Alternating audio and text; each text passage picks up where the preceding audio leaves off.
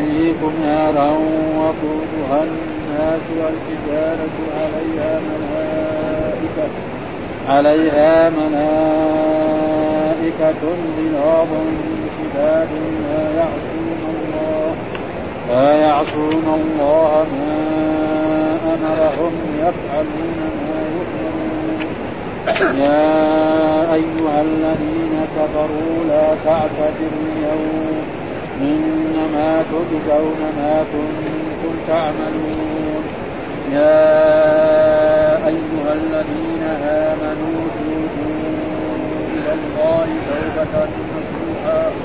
توبة نصوحا عسى ربكم أن يكفر عنكم سيئاتكم أن يكفر عنكم سيئاتكم ويدخلكم جنات تجري ويدخلكم جنات تجري من تحتها الأنهار يوم لا يخزي الله يوم لا يخزي الله النبي والذين آمنوا معه.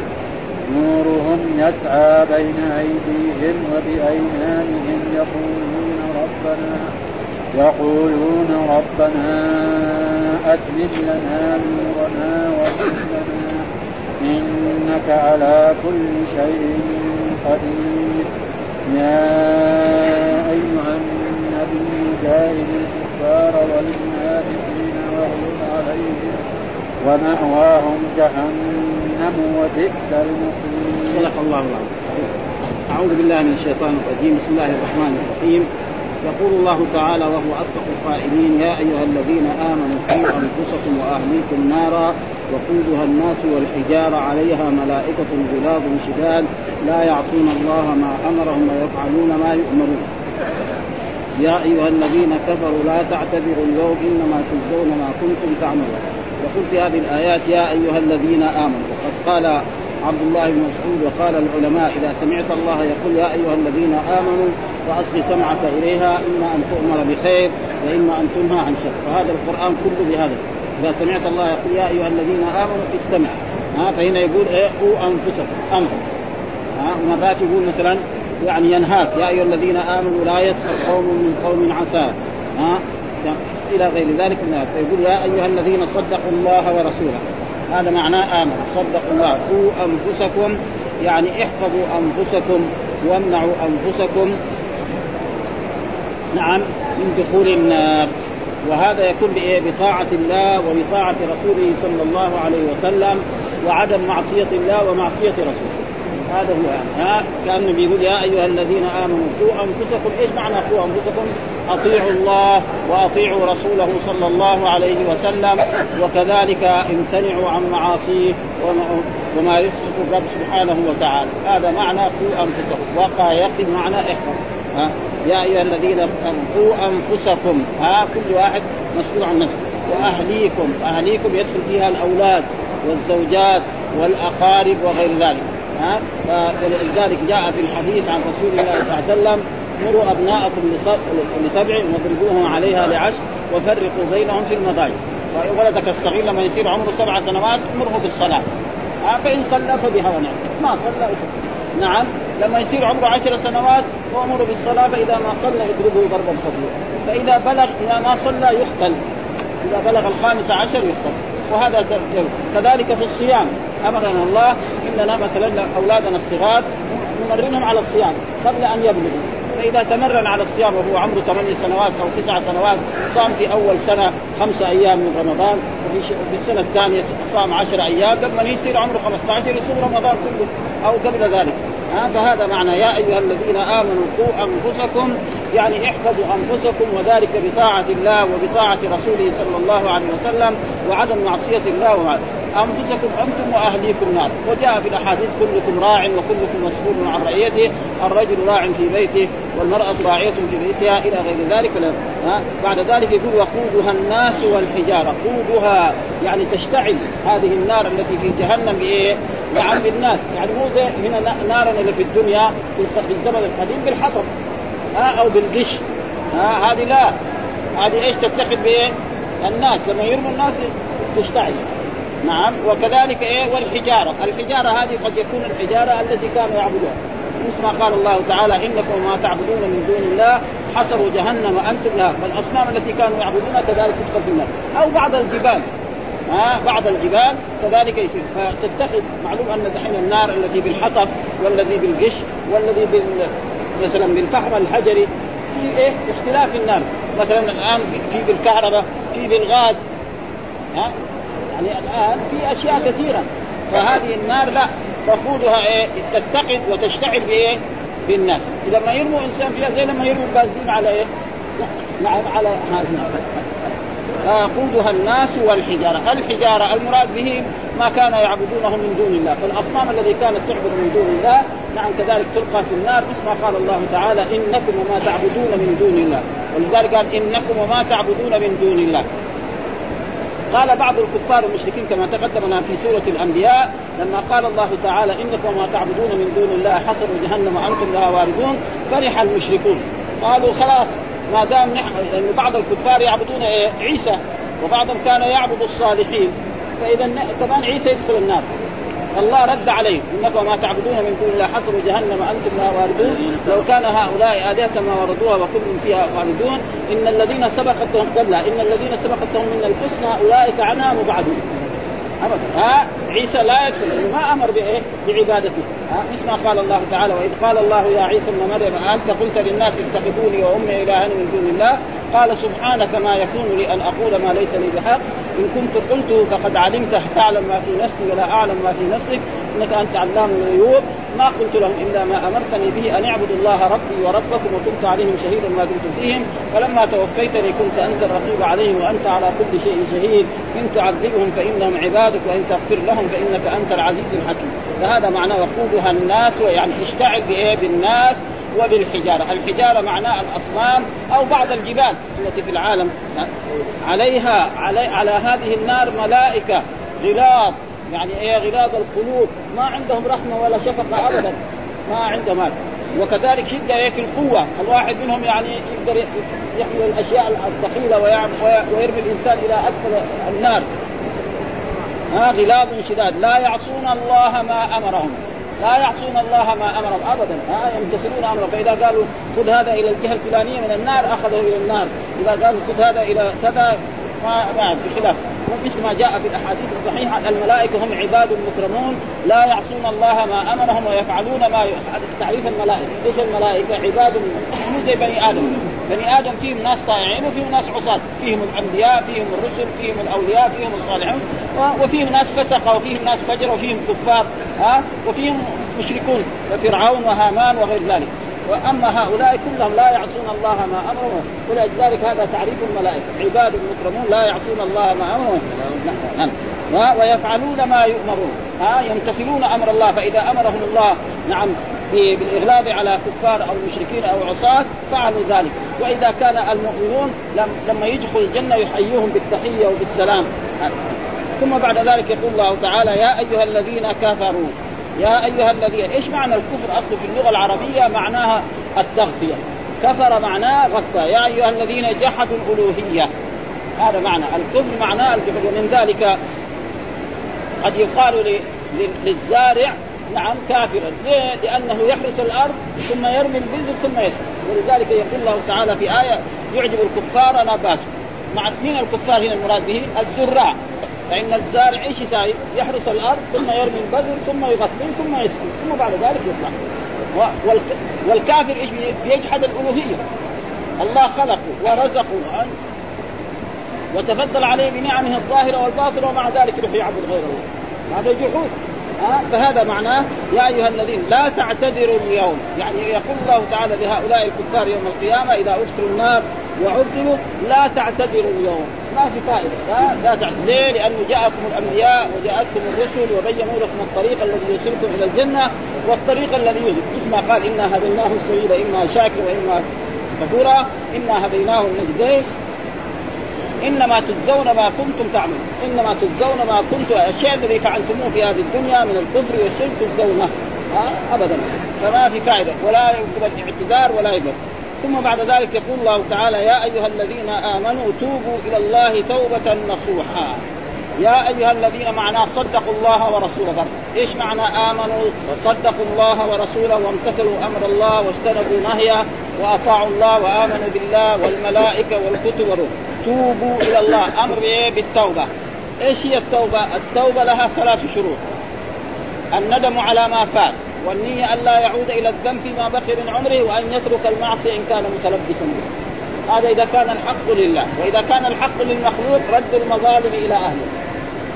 ها؟ يعني إذا أخذ أموال الناس أو أخذ أراضي الناس يقول تبت يا ربي ما يكفي لازم يرد هذه إيه؟ الأشياء إلى أصحابه. هذا وأما إذا كان الحق لله فهذا شروطها ثلاث الندم على ما فعل والنية أن لا يعود إلى الذنب فيما بقي من عمره وأن يترك المعصية إن كان متكبرا فيقول يا أيها الذين آمنوا توبوا يعني إيه؟ يعزم أنه لا يعود إلى هذه المعصية، كان يسرق يبطل السرقة ولا وين في قلبه أنه لا يعود، كان يشرب الخمر يكسر مواعين الخمر. نعم مرة. ولا يروح يقول لا أروح ابيعها لزملائنا اللي, اللي يشربوا الخمر. ما في ها؟ يقول لا هذه ما إذا نحن بطلت من يروح يبيعها. ها؟ أو يقدمها لناس ثانيين شرابين للخمر. لا. الرسول صلى الله عليه وسلم لما حرمت الخمر في هذه المدينة في قول الله تعالى يا أيها الذين آمنوا إنما الخمر والميسر والأنصاب والازلام رجس من عمل الشيطان فاجتنبوه لعلكم تفلحون. إنما يريد الشيطان أن يوقع بينكم العداوة والبغضاء في الخمر والميسر وصدق عن ذكر الله وعن الصلاة. فهل أنتم منتهون؟ فقالوا انتهينا انتهينا. وقد مر علينا في صحيح البخاري أن أنس بن مالك رضي الله تعالى عنه وكان صغير وكان يسقي أعمامه يعني أقاربه في بيت أبي طلحة عمه. ها لأن أبي طلحة تزوج ام أمه أم سليم. وكان بينما هو يسقيهم الخمر في يوم من الأيام وإذا منادي ينادي في خارج الشارع إن الله قد حرم الخمر. فدخل عليهم وقال له هذا. قال له أبو عمه ابي آه، طلحة نعم ارق هذا كل واحد فتح بابه وأراق الخمر في الشارع. ثم الرسول امرهم بتكسير المواعين. المواعي عوائل الخمر ليه؟ لأن عوائل الخمر دائما تكون فخار. ها؟ والفخار إذا كان صار نجس. ما ينضب أما لو كان قزاز أو كان هذا كانوا يغسلوه ها فلذلك ثم كذلك الذي يشرب الخمر لما يشوف مواعين الخمر تشتاق نفسه للخمر ها فلذلك الرسول أمر بتكفير المواعين كلها ها فلأجل ذلك هنا.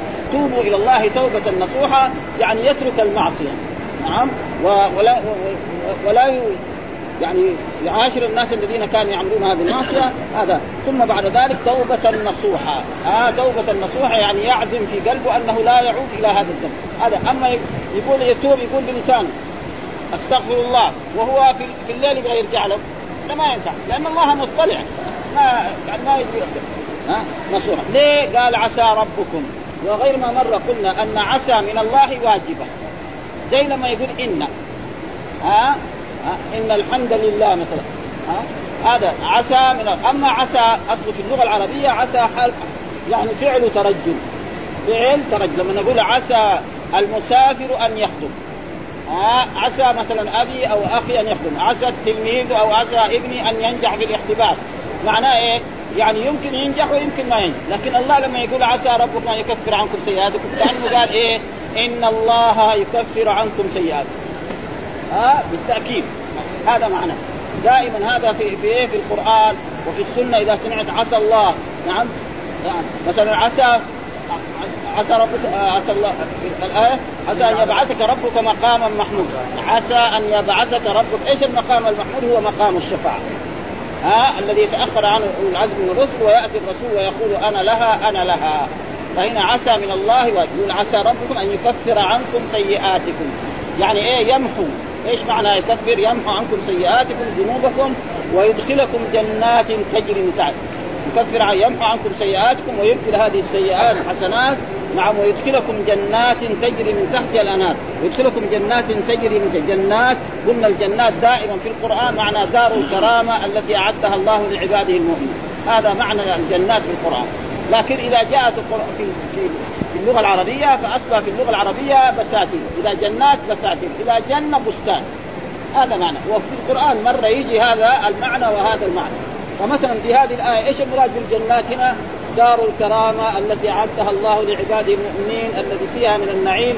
ما لا عين رأت ولا أذن سمعت ولا خطر على قلب وفي مرات يجي الجنات بمعنى البستان. انا بلوناهم كما بلونا اصحاب الجنه اذ اقسموا ليدخلونها مصبحين ولا يستثنون فطاف عليها. هنا جنة إيش المراد بها؟ بستان. كلتا الجنتين آتت أكلها ولم تكن. معناها إيه؟ بستان. ها فهنا دائما القرآن إذا قال جنات فالمراد بها هذا. نعم جنات تجري من تحتها الأنهار يعني من تحت دورها الأنهار التي فيها أنهار من ماء غير آسن وأنهار من لبن لم يتغير طعمه وأنهار من خمر لذة للشاربين وأنهار من عسل مصفى. ها ثم بعد ذلك يوم لا يخزي الله النبي. يوم لا هذا متى يكون هذا دخول الجنات هذه؟ يوم لا يخزي الله النبي. قلنا إيش معنى النبي في اللغة العربية؟ الرفيع المنزله أرفع الناس منزله منه الأنبياء صلوات الله وسلامه عليه. ها؟ أو المخبر عن الله. من يجيب لنا أوامر عن الله؟ الأنبياء. ها؟ فهذا معنى النبي. دائما النبي معناه المخبر عن الله أو رفيع المنزلة والذين آمنوا معه والذين آمنوا لا يخزي الله النبي فالانبياء يكونوا في أعلى درجات والرسول محمد صلى الله عليه وسلم يكون أعلى وأعلى زيادة والمؤمنون كذلك أصحاب الرسول صلى الله عليه وسلم والتابعين. ونرجو أن نكون معهم إن شاء الله وإن كان يعني ما عندنا من العمل الشيء الطيب. وهذا والذين آمنوا معه نورهم يسعى بين أيديهم وبأيمانهم. تجد نورهم يسعى بين أيديهم كما قال الله تعالى عن في سورة الحديد يوم ترى المؤمنين والمؤمنات يسعى نورهم بين أيديهم وبأيمانهم بشراكم اليوم جنات تجري من تحت الأنهار خالدين فيها ذلك. يعني يوم القيامة لما يعني ينصب الصراط على يعني على متن جهنم هكذا. فيمر الناس عليها. فالمؤمن بعض المؤمنين يمر كالبرق. معلومه البرق شيء مرة. منهم من يمر كالريح الهواء منهم من يمر مثلا كأجاود الخيل منهم منهم من يمشي مشيا منهم من يجري مشيا هكذا والقرآن ذكر هؤلاء وهؤلاء. مثل ما قال الله تعالى في نفس السورة هذه سورة الحديد يوم ترى المؤمنين والمؤمنات يسعى نور بين أيديهم وبأيمانهم بشراكم اليوم جنات تجري من تحت الأنهار خالدين فيها ذلك هو الفوز العظيم. وقال في نفس السورة ويوم يقول المنافقون والمنافقات للذين آمنوا انظرونا نقتبس من نوركم. قيل ارجعوا وراءكم فالتمسوا نورا وضرب بينهم بسور له باب باطنه فيه الرحمة وظاهره من قبل العذاب. ينادونهم ألم نكن معكم؟ قالوا بلى. ولكنكم فتنتم أنفسكم وتربصتم وارتبتم وغرتكم الأمانين حتى جاء أمر الله وغركم بالله الغرور. فاليوم لا يؤخذ منكم فدية ولا من يعني المنافق لما يجي يمر على الصراط يصير امامه نور شوية. لما يمشي ينطفئ النور. المؤمن لا. حتى أن النار تقول له جزء يا مؤمن فقد أطفأ نورك لهبي وجاء في القرآن وان منكم إلا واردها كان على ربك حتما مهديا إيش دليل الصراط في القرآن؟ هذه الآية. وإن منكم. يعني ما منكم. هذه إن نافية. ما منكم إلا وارد. كل مؤمن يرد على النار ها يمشي من فوقها. فالمؤمن ما يجرى له شيء والكافر يسقط خلاص. كان على ربك حتما. إيش الحتم عن الشيء الواجب؟ وان منكم الا كان على ربك حتما مقضيا نعم ها؟ ها ثم ننجي الذين اتقوا ونذر الظالمين ننجي الذين اتقوا ونذر الظالمين يعني يطيح بعضهم على بعض. وهذا دليل من إيه؟ يعني لو سئل طالب علم مثلا إيش دليل الصراط من القرآن؟ هذه الآية. مو مثلا بعضهم يقول صراط المستقيم. لا.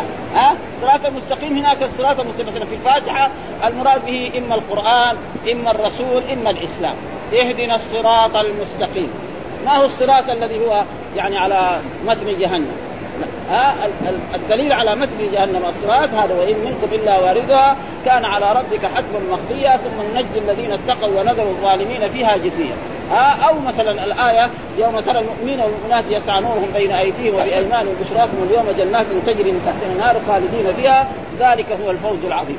يوم يقول المنافقون والمنافقات للذين آمنوا انظرونا نقتبس من نوركم قيل ارجعوا وراءكم فالتمسوا نورا فضرب بينهم بسور له باب باطنه فيه الرحمة وظاهره من قبله العذاب. ينادونهم ألم نكن معكم؟ قالوا بلى ولكنكم فتنتم أنفسكم وتربصتم وارتبتم وغرتكم الأماني حتى جاء أمر الله وغركم بالله الغرور فاليوم لا يؤخذ منكم فدية ولا من الذين كفروا. مأواكم النار هي مولاكم وبئس المصير. يعني وبئس المصير هذا فعل للذنب. إيش بئس المصير؟ بئس الواحد إنه يكون مصيره إلى النار. هناك ناس إلى الجنة. يعني مخصوص بالذنب محجوب. ها وهو النار أو جهنم. وهذا هنا يقول نورهم يسعى بين أيديهم يعني أمامهم. ها هذا. ها وبأيمانهم على جهة اليمين بعد ذلك هم إيش يقول يقولون يقول هؤلاء المؤمنون الذين كانوا مع الأنبياء واتبعوا الرسل صلوات الله وسلامه عليهم يقولون ربنا أتمم لنا نورنا. يا ربنا يقولون ربنا ربنا هذا منادى محذوف من حرف الندى. يعني يا ربنا ومعلوم أن المنادى إذا كان مضاف يكون منصوب. دائما المنادى إذا كان مضاف يكون منصوب. يا ربنا أكرم. وهذا كثير في القرآن. ولما قال يوسف أعرض عن هذا. معنى اصله كان إيه؟ يا يوسف. أتمم واغفر لنا واستر ذنوبنا. ثم بعد ذلك يقول آه، المؤمن ده إنك على كل شيء قدير. إنك يا ربنا على كل شيء قدير. ما في شيء لا يقدر عليه ها ثم الله إذا أراد شيئا ما يحتاج كن فيكون. ما يحتاج علاج. ها أما المخلوق مهما كان عنده من الإمكانيات لابد أن يعالج هو الأمور أو غيره. ها مثلا الملك يبغى ياكل هناك مطبخ يطبخ ويقدم الطعام. ما يستطيع أن يقول أيتها المائدة انزلي فيأكل ويشرب ويستلذ بك ثم بعد ذلك يقول ارتفعي. ما في هذا. هذا مين للرب سبحانه وتعالى؟ مهما كان عنده من الإمكانيات لا بد هناك إما هو يعالج الأمور بنفسه أو غيره يعالجها. ها فيقول ربنا إنك على كل شيء قدير. ثم الآية اللي بعدها يمكن لها علاقة بهذه الآية وثم يقول يا أيها النبي جاهد الكفار. برضو الله يقول يا أيها النبي والمراد بالنبي هنا في هذه السورة المراد به الرسول محمد صلى الله عليه وسلم جاهد الكفار. يعني جاهدهم بإيه؟ بالسيف والسنان. وهذه الآية معلوم مدنية وهذا بعد ما فرض الجهاد. فإن الجهاد لم يفرض إلا في المدينة في السنة الثانية من هجرته صلى الله عليه وسلم. ولذلك لا يوجد في السور المكية جاهد الكفار. نعم بل دائما القرآن يقول ما عليك إلا البلاغ المبين. ما فيها؟ إن إلينا إيابهم ثم إن علينا حساب أما هنا يقول جاهد الكفار يعني جاهدهم بإيه؟ بالسيوف. وبالسنان وجاء, وجاء في القرآن أذن الذين يقاتلون بأنهم ظلموا وإن الله على نصرهم لقدير الذين أخرجوا من ديارهم بغير حق إلا أن يقولوا ربنا الله. يعني إيش ذنبهم؟ قالوا ربنا الله. هذا هو الذنب اللي ارتكبوه وهذا ذنب هذا؟ هذا خلاصة الإيمان. هذا هو العداوة بين الكفار وبين المؤمنين هو أن هؤلاء يقولوا ربنا الله وهذول يقولوا لا, لا لنا رب ويدعون غير الله فيقول يا أيها جاهد الكفار يعني بالسنان والسيف والمنافقين. والمنافقين بإيه؟ إما بالحدود وإما مثلا يعني بالارشاد وبالتغليظ عليهم حتى يفضحهم الرب سبحانه وتعالى واغلظ عليهم. أن لا تقابلهم مقابل. ومع ذلك كان الرسول يعني يكرم بعض المنافقين ويحسن إليهم لأن الرسول له أخلاق عظيمة جدا. ها يعني رجل يقول مثلا يخرجن الأعز منها الأذل. ها يقول سمن كلبك يأكلك بكلمات زي هذه. ما رأينا مثل قرائنا هؤلاء أرغب بطونا ولا أجر ومع ذلك الرسول يعفو عنهم ويصفح عنهم. فاغلب عليهم. ومأواهم جهنم. مأوى المنا الكفار والمنا مأواهم يعني مقامهم. اسم مأوى المحل الذي يقيم فيه جهنم. وبئس المصير. وبئس المصير إيه؟ الذي يكون مصيره إلى جهنم. ها ولذلك من زحزح عن النار وأدخل الجنة فقد فاز وما الحياة الدنيا إلا متاع. وبئس المصير. ودائما قلنا أن نعمة وبئس نعمة لإنشاء المدح وبئس لإنشاء الذم. وتارة يكون المخصوص بالمدح والمخصوص بالذم مذكور وتارة يكون محدود وهذا موجود في القرآن كثير. الحين هنا وبئس المصير. فين المخصوص بالذم؟ النار أو جهنم. محدود ها؟ في مرات يجي مثلا نقول نعم الرجل أبو بكر. أبو بكر هو مخصوص ها؟ بئس الرجل أبو لهب. مين مخصوص بالذم؟ أبو لهب. وفي مرات نعم العبد. مين هو؟ أيوب. في الآية ما في أيوب لكن معروف من الإيه؟ بئس للظالمين بدلا. بئس للظالم بئس إيه؟ بدل فين يعني؟ النار. ما في النار في القرآن. وهذه اسلوبها لأن نعمه وبئس يعني أفعال خاصة في اللغة العربية للمدح والذم ولها أحكام خاصة في النحو. يعني من من أحكامها أن فاعلها دائما يكون محلى بالألف واللام. أو مضاف لما فيه الألف واللام أو ضمير مستتر. ما يخرج عنه. يعني ما سمع نعمه زيد في اللغة العربية ابدا. أو نعم أمير نقول نعم الرجل أو نعم الأمير أو نعم الطبيب كذا لازم. ها؟ أو مثلا يكون آه، يعني نعم طالب المدرسة مثلا خالد أو نعم مدرس كذا لا ها مثلا آه نعم دار المتقين الجنة نعم دار المتقين. أو يكون إيه؟ ضمير مستتر بئس للظالم بئس هو. بئس النار للظالم وهكذا ما يخرج عن هذا. فمأواهم جهنم وبئس المصير. هذه الآيات والباقي إن شاء الله نقرأها. غدا فيقول في هذه الآيات.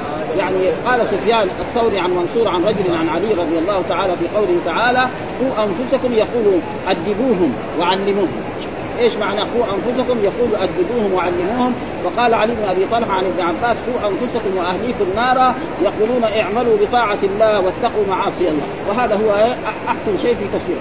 وأمروا أهلكم بالذكر ينجيكم الله من النار. وقال مجاهد قوا أنفسكم وأهليكم. قال اتقوا الله وأوصوا أهليكم بتقوى الله. وقال قتاده تأمرهم بطاعة الله وتنهاهم عن معصية الله. وأن تقوم عليهم بأمر الله وتأمرهم به وتساعدهم عليه. فإذا رأيت آه، لله معصية فدعتهم وزجرتهم عنها. هكذا قال الضحاك ومقاتل حق المسلم على المسلم أن يعلم أهله من قرابته وامائه وعبيده ما فرض الله عليهم وما نهاهم الله عنه. وفي معنى هذه الآية الحديث الذي رواه أحمد وأبو داود والترمذي من حديث عبد الملك بن الربيع بن سبر عن أبيه عن جده قال قال رسول الله مروا الصبي بالصلاة إذا بلغ سبع سنين وإذا بلغ عشر سنين فاضربوه عليها. هذا لفظ أبي داود وقال الترمذي حديث حسن صحيح. وقودها الناس والحجارة. أي وقودها أي حطبها الذي يلقى فيها جثث بني آدم والحجارة قيل المراد بها الأصنام التي تعبد بقول إنكم ما تعبدون من دون الله حسب جهنم. وقال ابن مسعود ومجاهد وأبو جعفر والباقي والسدي هي حجارة من كبريت.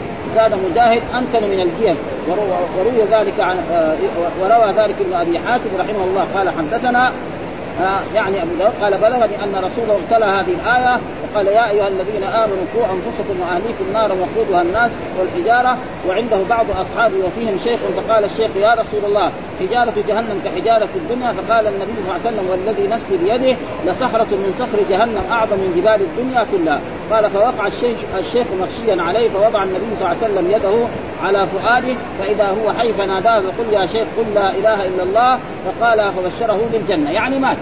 ها؟ وذلك يقول تعالى ذلك لمن خاف مقام وخاف وعيد وهذا حديث عليها ملائكة غلاظ شداد خداعهم غليظة وقد نزعت من قلوبهم الرحمة بالكافرين.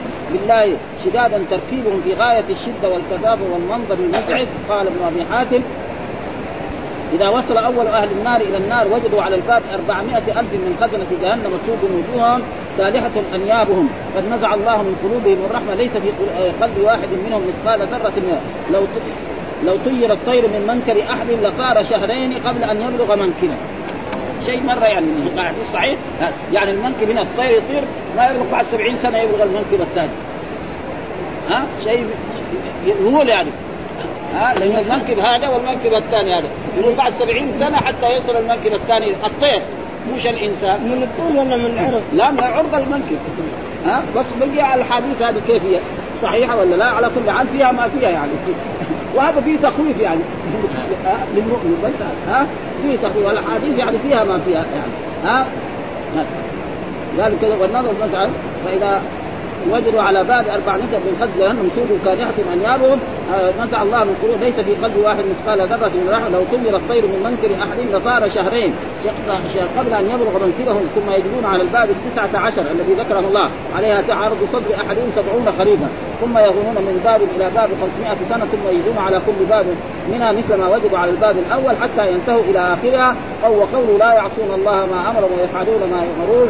أي مهما أمرهم به الله تعالى يبادرون إليه لا يتأخرون عنه طرفة عين وهم قادرون على فعله ليس بهم عجز وهؤلاء هم الزبان عياذا بالله منهم. وقول يا أيها الذين كفروا لا تعتذروا اليوم إنما تجزون ما كنتم يقال من كفر يوم القيامة لا تعتذروا فإنه لا يقبل منكم ولا تجزون إلا ما كنتم تعملون إنما تجزون اليوم بأعمالكم. ثم قال تعالى يا أيها الذين آمنوا توبوا إلى الله توبة نصوحة.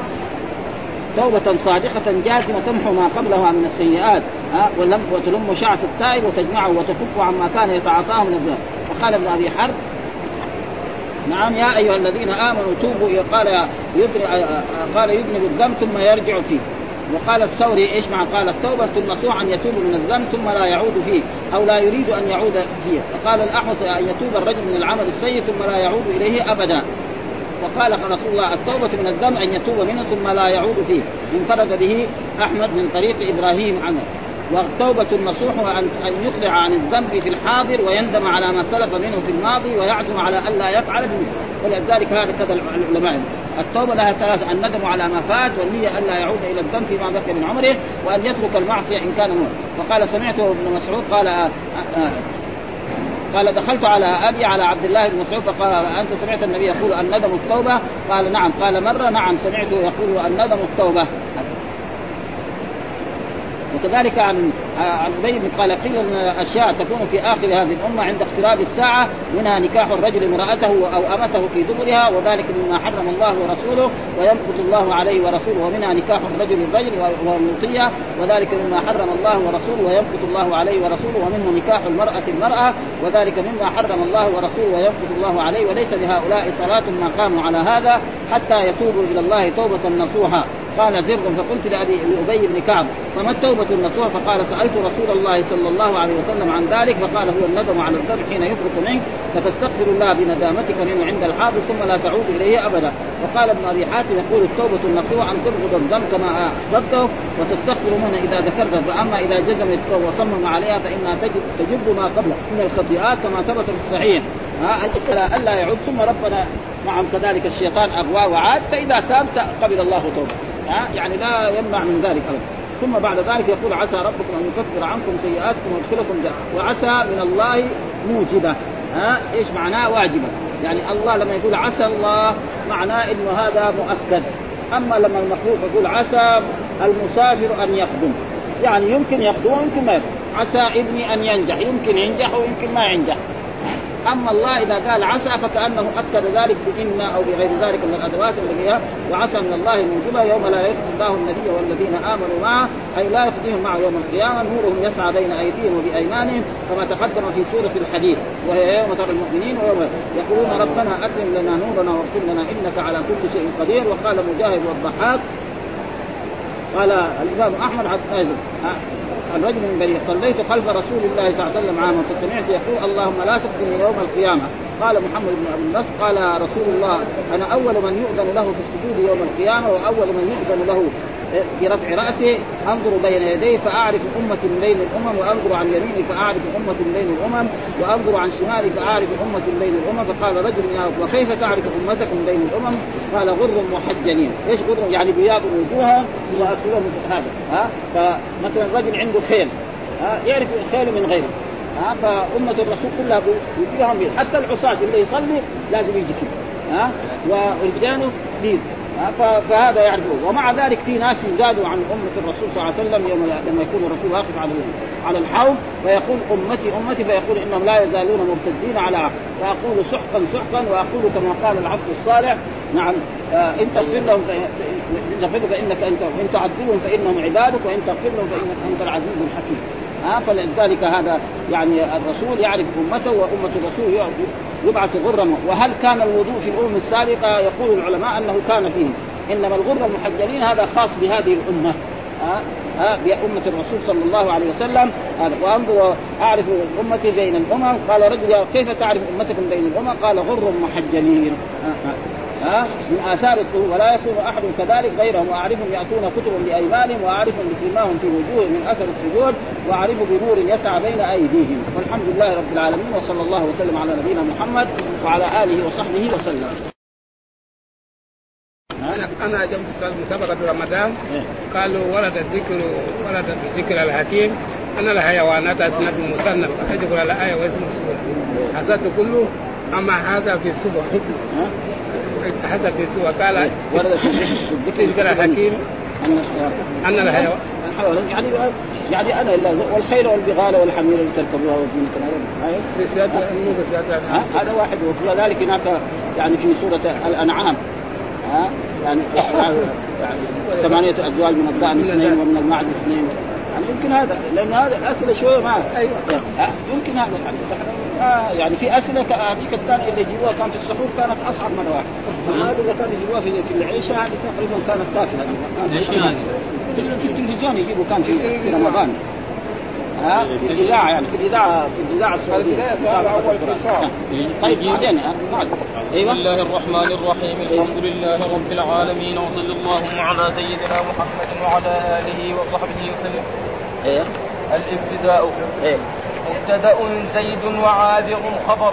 إيه ان قلت زيد عاذر من اعتذر. أيوه.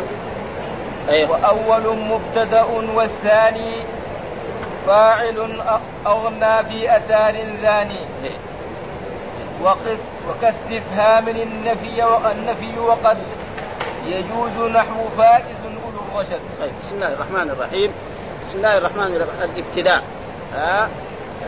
أصل اللغة العربية أو النحو يبحث عن آخر الكلمة. يعني تعريف النحو هو يعني يقول النحو هو يعني يعني يعني علم بأصول يعرف به أحوال اواخر الكلمة اعرابا وبناء يبحث عن آخر الكلمة. وهذه الأبواب اللي قدمناها دحين مثلا باب الكلام وبعدين المعرب والمبني وبعدين مثلا الضمير والعلم واسم الإشارة والموصول. هذه يعني استعدادات للدخول في في النحو وفي اللغة العربية. زي مثلا واحد يبغى يبني الآن في عصرنا هذا يبغى يبني بيت لازم إيه؟ يشتري اسم ويشتري حديد نعم ويشتري أشياء اللي تتعلق بهذا بعد ذلك يساوي الساس ويبني. فهذه إيه؟ يعني مقدمات لهذا. إذا دحين هذا الباب هو إيه؟ دخول في إيه؟ في العلم علم النحو لأن النحو يبحث عن هذا. ثم الاسم المعرب لا يخلو إما مرفوع إما منصوب إما مجرور. ولذلك يبحث عن هذا. ها فدحين إيه أول يذكر المرفوعات. المرفوعات كم هو؟ يذكرها. فأول شيء ذكر الإبتداء هو. يجي نحويين يقدموا الفاعل مثلا. هذه أشياء عقلية. دحين ابن مالك هذا قدم يجي في بعض الكتب يقدموا مثلا الفاعل زي الاجروميه الفاعل بعدين نائب الفاعل بعدين المبتدأ والخبر وهذا. طيب إيش هو المبتدأ؟ المبتدأ هو خليني الأرض أحسن ها؟ إيه؟ المبتدأ هو إيه؟ اسم أو ما في تأويل. مجرد عن العوامل اللفظية غير الزائده هذا تعريف المبتدا يعني اسم أو ما في تأويل. ها مجرد عنه لما نقول اسم الفعل ما يصير مبتدا ابدا في اللغة العربية. ها أو ما في تاويله اسم أو ما في تأويل. يعني يكون دخلت عليه أن المصدريه مثلا قول الله تعالى وأن تصوموا خير لكم. هذا إيش تقديره؟ صيامكم خير أن تصوموا هذا نقول أن وما دخل عليه في تأويل مصدر مبتدأ صيامه. كان الخبر خير لكم العرب يقولوا تسمع بالمعايدية خير من أن تراه. يعني واحد تسمع عنه الولد يتكلم أو هذا لما تشوفه إذا في رجل كذا نحيف تسير هذا هذا هذا معنى تسمع بالمعايدية خير من أن تراه. ها فتسمع يعني إيه؟ سماعك بالمعايدية. ها سماعك بالمعايدية خير من أن تراه. فسماعك هذا مبتدأ وخير أن فهذا هو اسم نعم يعني أو ما في تأويله ومجرد عن عوامل اللفظ. لازم يكون مجرد عشان يخرج الفاعل ونائب الفاعل. ها؟ مثلا قرأ محمد واحد ما يجي يقول محمد يقول مبتدأ. لأنه قبل إيه؟ قرأ. قرأ ما يصير. مثلا أكرم الضيف واحد يقول الضيف مبتدأ. مثلا طالب صغير يقولها علم المدرس يعلم هكذا ها؟ ها؟ ليس كل يعني فبهذا يعني تعريفه اسم أو في تأويله مجرد عوامل لفظية غير الزائدة، مثال غير الزائدة مثلا في اللغة العربية بحسبك درهم. أصله إيه؟ بحسبك الباء حرف مجر زائد. وحسب هذا مجرور لفظا مرفوع محلا. يعني حسبك يعني كافيك درهم. ومن ذلك في القرآن آية في سورة فاطر هل من خالق غير الله؟ إيش التقدير؟ هل خالق غير الله؟ من هذه زائدة. لكن العلماء عشان لا ينتقدوا العامة يقول من صلة. لما يقول صلة مثلا رجل عامي ما يعرف إيش معنى صلة. معناها ما لها محل لأنه معنى القرآن الآية هل خالق غير الله؟ الجواب ما في. ما في خالق إلا هذا معناه فهذا تعريف المبتدأ. آه اسم أو ما في تاويله مجرد عوامل لفظية غير سائله خلاص؟ آه ثم بعد ذلك يجي الخبر. بعدين يجي الخبر هو هذا. ثم المبتدا ينقسم إلى قسمين. مبتدا له خبر ومبتدا له مرفوع يغني عن الخبر. يعني في مبتدا مثلا يقول إيه؟ زي ما صاحب الخطر. يقول الابتداء فالله ربنا ومحمد نبينا يعني مرة مختصر تمام. ها؟ يقول الله ربنا ومحمد النبي. ولا جاب تعريف ولا جاب يعني هنا أو أوضح. مبتدأ زيد وعاذر خبر إن قلت زيد عاذر من اعتذر. ها؟ مبتدأ زيد وعاذر خبر إن قلت زيد عاذر من اعتذر. بعدين النوع الثاني من المبتدأ مبتدا ما له خبر إنما له مرفوع يغني عن الخبر. إيش موجود وهذا لما يكون إيه وصف. مثلا واحد يقول أقائم الزيدان. فنقول الهمزه الاستفهام وقائم المبتدا والزيدان إيه؟ فاعل صد مصد الخبر. واحد يقول ما مضروب العمران ما نافية ومضروب مبتدا والعمران نائب فاعل فإذا المبتدأ ينقسم إلى مبتدأ له خبر ومبتدأ له إيه؟ مرفوع. ومن ذلك قول الشاعر يقول أقاتل القوم مسلما. أقاتل همزة الاستفهام وقاتل مبتدأ وقوم هذا فاعل سد مسدا فهذا هو المبتدأ والخبر يعني دائما ثم تارة إذا كان وصف يكون مع مثلا واحد يقول أقائمان الزيدان.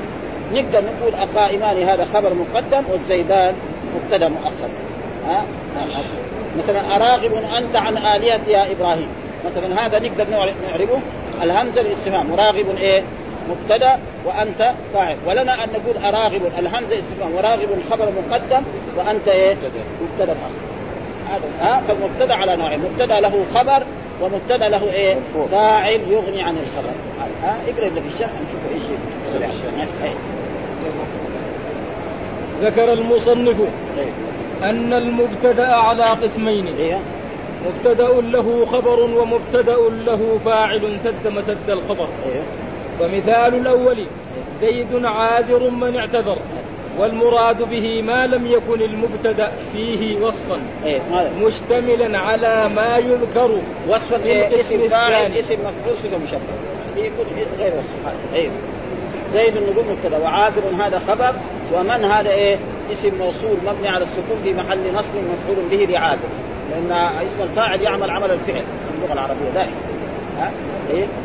فزيد فزيد مبتدأ وعاذر خبره. إيه؟ ومن اعتذر مفعول لعاذر إيه؟ إيه ومثال الثاني أسار زاني. أسار أسار زاني. زاني أسار نقول الهمزة استفهام وسار هذا مبتدأ مرفوع وعلامة رفعه الضمة المقدرة على الياء المحذوفة لالتقاء الساكن. لأنه كان إيش كانوا أساري أساري فالهمزة الاستف... أساري في إيه؟ في ياء وفي تنوين. طيب التنوين إيه؟ نون ساكنة. الياء ساكنة والنون الساكنة تنوين نون ساكنة التقى ساكنين إيش يساوي؟ حذفوا إيه؟ الياء.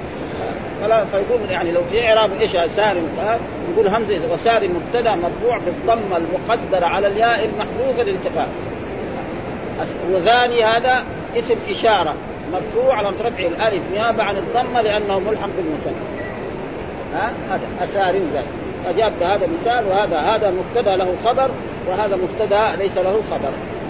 ولا عرف وتعريف هذا هو تعريف المبتدأ هو اسم مجرد عن العوامل اللفظية غير الزائدة. هذا تعريفه يعني الكامل. أيوه بعدين. وع... ومن اعتذر مفعول لعاذر. أيوه. ومثال الثاني أسار ثاني. أيوه. فالهمزة للاستفهام. أيوه. وسار مبتدأ. أيوه. وذان فاعل سد مسد الخبر. أيوه. ويقاس على هذا. أيوه. ما كان مثله. وهو كل وصف. أيوه. اعتمد على استفهام أو نفي. نحو أقائم الزيداني أيوة. وما قائم الزيداني فإن لم يعتمد الوصف لم يكن مبتدأ. ما يجوز إيه؟ وهذا مذهب البصريين إلا الأخفش. ورفع فاعلا ظاهرا كما مثل أو ضميرا منفصلا. نحو أقائم أقائم أنتما. أو رفع فاعلا. أو رفع فاعلا. إيه مثلا الحين أقائم الزيدان. زيدان إيه؟ فاعل سد مسد الخبر أو أقائم زيد. ظاهر. ورفع فاعلا ظاهرا. مو هذا فاعل ظاهرا أو ضميرا منفصلا. ها منفصلا هذا. المثال أراغب أنت عن الهه أنتما. قائم أنتما. إذا قال أقائم أنتما هنا هنا يجوز وجهان. ثم نقول أقائم إيه؟ خبر مقدم وأنتم هذا أحسن. يعني اقائم أنتما أحسن طريقة فيه نعرف قائمان إيه خبر مقدم وأنتما إيه مبتدأ مؤخر هذا أحسن. لكن لو قال أقائم أنتما هذا صحيح نعرف إيه فاعل سد أقائم واحد بالمفرد. لكن إذا قال أقائم أقائمان أنتما يعني أنتما أقائمان خبر مقدم أحسن وأنتما عشان إيه الوصف زي إيه زي الفعل زي الفعل. مثلا دحين واحد ما يجد إنسان يقول جاء المحمدان جاء إيه؟ المحمد قد أفلح المؤمنون. الله ما قال قد أفلحوا المؤمنون. وسيأتي إنه ما تلحق لا علامة التزميه ولا علامة الجمع الفعل إذا اسر إلى الاثنين لا تلحق إلا في إيه؟ في لغة ضعيفة كما يقال بعدين يقال سعد وسعدوا؟ قائم يقول الهمزة الاستفهام. قائم مبتدأ وأنتم فاعل سد مسد. أنتم ضمير منفصل مبني على السكون في محل رفع فاعل سد مسد الخبر. ها؟ والألف. أيات. دال على التثنية. أيوه. أنتما. الميم حرف عماد. والألف. دال على التثنيه قلنا اقائمان أنتما. إذا قلنا أقائمان نعرف أحسن شيء اقائمان خبر مقدم. وأنتما مبتدأ مؤخر. هذا أحسن. أما لو أعرضنا اقائمان مبتدأ وأنتما صار إيه؟ يعني آه، أسند الفعل إلى إيه؟ يعني وهو مثنى ونسبه إلى مثنى الفعل الفعل إذا دائما إذا وجه إلى إلى المثنى ما ما تلحق. لا علامة التثنيه ولا عمل. يعني ما يجوز لإنسان في اللغة العربية يقول جاء المحمدان ها؟ ولو يقول مثلا آه يعني أكرمنا الفاطمات. يقول إيه؟ أكرمت آه مثلا أكرمت الفاطمات. أو جاءت الفاطمات. ما تلحق وكذلك الوصف. الوصف زيه أيوه. ها بعدين؟ كما مثل أو ضميرا منفصلا نحو أقائم أنتما. شو أقائم وتم الكلام به. إيه خلاص. إن لم يتم به الكلام لم إيه. يكن مبتدا. إيه. نحو أقائم أبوه زيد. أبواه زيد. أقائم أبواه لأنه لما يقول أقائم أبواه زيد ها كأنه يقول أقائم إيه؟ زيد. يعني تركيب تعبان هذا. أقائم زيد. ها؟ لو قال أقائم زيد كان خلاص. يصير خبر مقدم وزيد مبتدا مؤخر. لكن هذا لو قال أقائم أبواه زيد بلاش هذا ما يجوز غلط هذا. لكن هو يقول أقائم إيه؟ زيد لو قال أقائم. زيد إيه؟ يصير الهمزه الاستفهام وقائم الخبر مقدم وزيد إيه؟ مبتدأ مؤخر. آه. مبتدأ. أو يقول زيد فاعل. يعني سد مسد الخبر مستوفي الشروط. أبواه سد مسد الخبر؟ لا زيد. هذا ما يصح تركيب فاسد هذا. قائم أبواه زيد هذا تركيب فاسد. إيه. يقول لك أبواه فاعل. إيه إيه. لقائم إيه إيه. أيوه وبعدين زيد طيب زيد أقائم أبواه زيد. إيه؟ إيه؟ فزيد مبتدأ. إيه؟ مؤخر وقائم خبر مقدم. إيه؟ وأبواه فاعل بقائم. آه ولا يجوز أن يكون فا ولا يجوز أن يكون قائم يعني لما يقول مثلا أقائم أبواه زيد يصير الهمزة للاستفهام. وقائم إيه؟ آه يعني آه مبتدأ. آه وأبواه هذا فاعل لقائم لأنه إيه؟ يعمل عمل الفعل. وزيد هذا مبتدأ مؤخر. ها؟ زيد- قال بهذه الت... زيد مبتدأ مؤخر. إيه, إيه مبتدأ مؤخر وقائم خبر مقدم. ها، هذا. وأبواه فاعل لمين؟ لقائم. لأن قائم يعمل عمل إيه؟ عمل الفعل. يعمل عمل الفعل. تمام. ها. ها. ولا يجوز. يعني الذي يستغني بفاعله هو الذي يعني يصح له هو أن يكون يكون مبتدأ. فاعل سد مسد الخبر نعم. إيه. إيه. طيب بعدين؟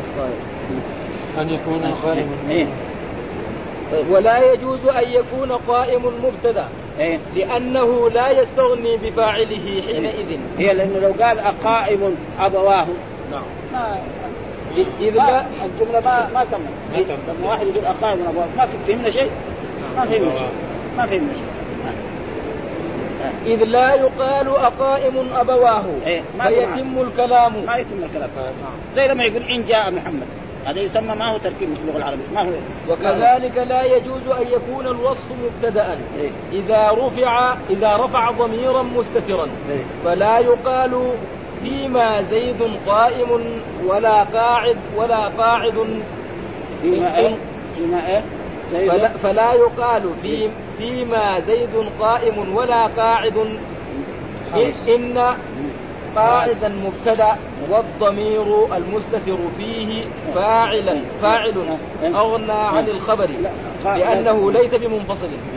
لازم يكون إيه يعني لا يكون مستتر. يعني نعم. الفاعل أو نائب الفاعل يكون إيه اسم ظاهر. أما إذا كان مثلا قائم يعني هو نعم. ما يصلح يقول أنا ما- يجوز أن يكون الوصف إيه ما مبتدأ. يعني لا يقول الفاعل حق الوصف لا يكون مستتر لازم يكون ظاهر. هذا معناها يقول الوصف الفاعل للوصف الذي هو قائم قال أقائم الزيدان مين الفاعل؟ الزيدان. لكن قال أقائم فين الفاعل يقول مستتر في قائم؟ يقول له لا ما يصح. يقول له ما يصح هذا. هذا الحين جاء فلا يقال. إيه إيه إيه طيب. إن, أقا... إن قاعدا مبتدا إيه. والضمير المستتر إيه. فيه قاعد هذا اسم فاعل؟ عن الخبر. ها؟ قاعدة اسم فاعل يقول الضمير المستتر فيه فاعل سد مسد الخبر نقول له ما يصح. ها؟ ما يصح. لازم يكون ال- ال- الفاعل يكون إيه؟ يعني ضمير يعني با... ظاهر. اسم ظاهر.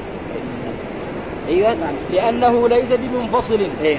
على أن في المسألة خلافا. إيه. ولا فرق بين أن يكون الاستفهام بالحرف كما مثل. أيوه إيه. أو بالاسم إيه. كقوله إيه. كيف جالس كيف جالس العمران ها، كيف جالس عمر فتقول كيف؟ هذا خبر مقدم أو اسم استشهاد مبني على السكون. آه كيف إيه؟ جالس العمران. العمران. فجالس العمران. هذا. يعني دحين كيف خبر مقدم؟ وجالس هذا مبتدا مؤخر. والعمران فاعل سد مسد الخبر. وكذلك يعني كيف هذا؟ ما هو يعني همزه استفهام ولا هو. برضه برضه ها؟ إيش؟ اسم استفهام هذا. وكذلك لا فرق بين أن يكون النفي ب أن يكون النفي نعم. أن يكون النفي لازم ها؟ اسم؟ اسم يكون يعني. اسمه اسمه اسمه كان ها؟ إيه اسم يكون أيوه. أيوه أن يكون النفي أيوه بالحرف كما مثل أو بالفعل إيه. كقوله إيه. ليس قائم الزيداني فليس ليس نعم. إيه، أيوه. فليس فعل ماض إيه. ناقص إيه. وقائم اسمه إيه. والزيدان فاعل سد مسد الخبر هو هو يعني مسد خبر ليس نعم خبر ليس هذا نعم وت... وتقول. غير قائم الزيدان. فغير مبتدأ. وقائم مخفوض بالإضافة إيه. والزيدان فاعل بقائم سد مسد يعني. غير هذا نفي خبر معناه معناه معنى النفي. غيره نعم. هذه غير نفي. يعني معنى النفي. طيب،. إيه، إيه، لأن المعنى ما قائم الزيدان. إيه. فعومل إيه. غير قائم معاملة. ما قائم. ومنه قوله غير لاه عداك فاطرح اللهو. غير لاه عداك. فده غير نعرف مبتدا ولاه مضاف إليه وعداك فاعل سد مسد الخبر. ولا تغترر بعارض سلم سلم سلم ما سلم إيه.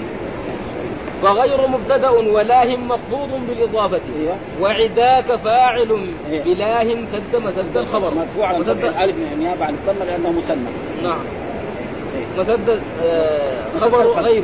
غير. غير ومثله قوله غير مأسوف على زمن ين... على زمن إيه. ينقضي بالهم والحزن. غير مأسوف على زمن. ها، مأسوف دحين إيه غير مأسوف على زمن فيصير على زمن هذا محل نائب الفاعل وغير مأسوف شو يعني؟ فغير مبتدأ ومأسوف إيه. مخفوض بالإضافة إيه. وعلى زمن جار ومجرور إيه. في إيه. موضع نائب الفاعل مأسوف إيه. لنيابته مناب الفاعل لأنه مأسوف هذا اسم مفعول اسم مفعول يرفع إيه؟ نعم. ما يرفع الفاعل يرفع إيه؟ نائب الفاعل وقد سد مسد خبر غير إيه. وقد وقد سئل أبو الفتح بن جني ولده ولده ولده سأل مسلم سأل ولده. طيب ولده إيه. عن إعراب هذا البيت طيب. فارتبك ولده عن إعراب هذا البيت إيه. فارتبك في إعرابه ومذهب البصريين إلا الأخفش. أن هذا الوصف لا يكون مبتدا إلا إذا إلا إذا اعتمد على نفي أو استفهام إيه. وذهب الأخفش والكوفيون إلى عدم اشتراط ذلك فأجازوا قائم الزيداني يعني على كل حال يعني فقائم مبتدأ يعني والزيد- على كل حال ما أصابهم يعني خطأ. كلامهم فقائم مبتدأ والزيدان فاعل سد مسد الخبر. صحيح إنه كله كله الأكثر إنه بهذا إنه لازم نعم. يكون قبله استفهام. ها؟ أو أو ها؟ وإلى هذا أشار المصنف بقوله إيه. وقد يجوز نحو فائز أولو الرشد. هذا فائز أي وقد إيه. نعم. يعني قد هذا إيه؟ نعم. بالتقليد. قد. ها؟ ها؟ قد قد يصدق الكذب قد هذا فنقول فائز مبتدأ قولوا الرشد هذا فاعل سد مرفوع عن رفع الواو نيابة عن الضمة لأنه إيه ملحق جمع مذكر السالم هذا قد أي وقد يجوز استعمال هذا الوصف مبتدأ. إيه. من غير في أن ألف. يسبقه إيه. نفي. إيه إيه، لا واو. ها مرفوع عن رفع الواو نيابة عن الضمة لأنه ملحق بجمع المذكر السالم زي يقولوا العلم والفضل. من غير- الألباب في القرآن. من غير أن يسبقه نفي أو استفهام. إيه. وزعم المصنف أن سيبويه. يجيز يجيز ذلك. على ضعف ومما ورد منه قوله فخير نحو عند آه، فخير نحن عند الناس منكم. إذا الداعي المذوب قال يا لا؟ إيش البيت؟ خير إيه؟ فخير نحن فخير نحن عند الناس منكم.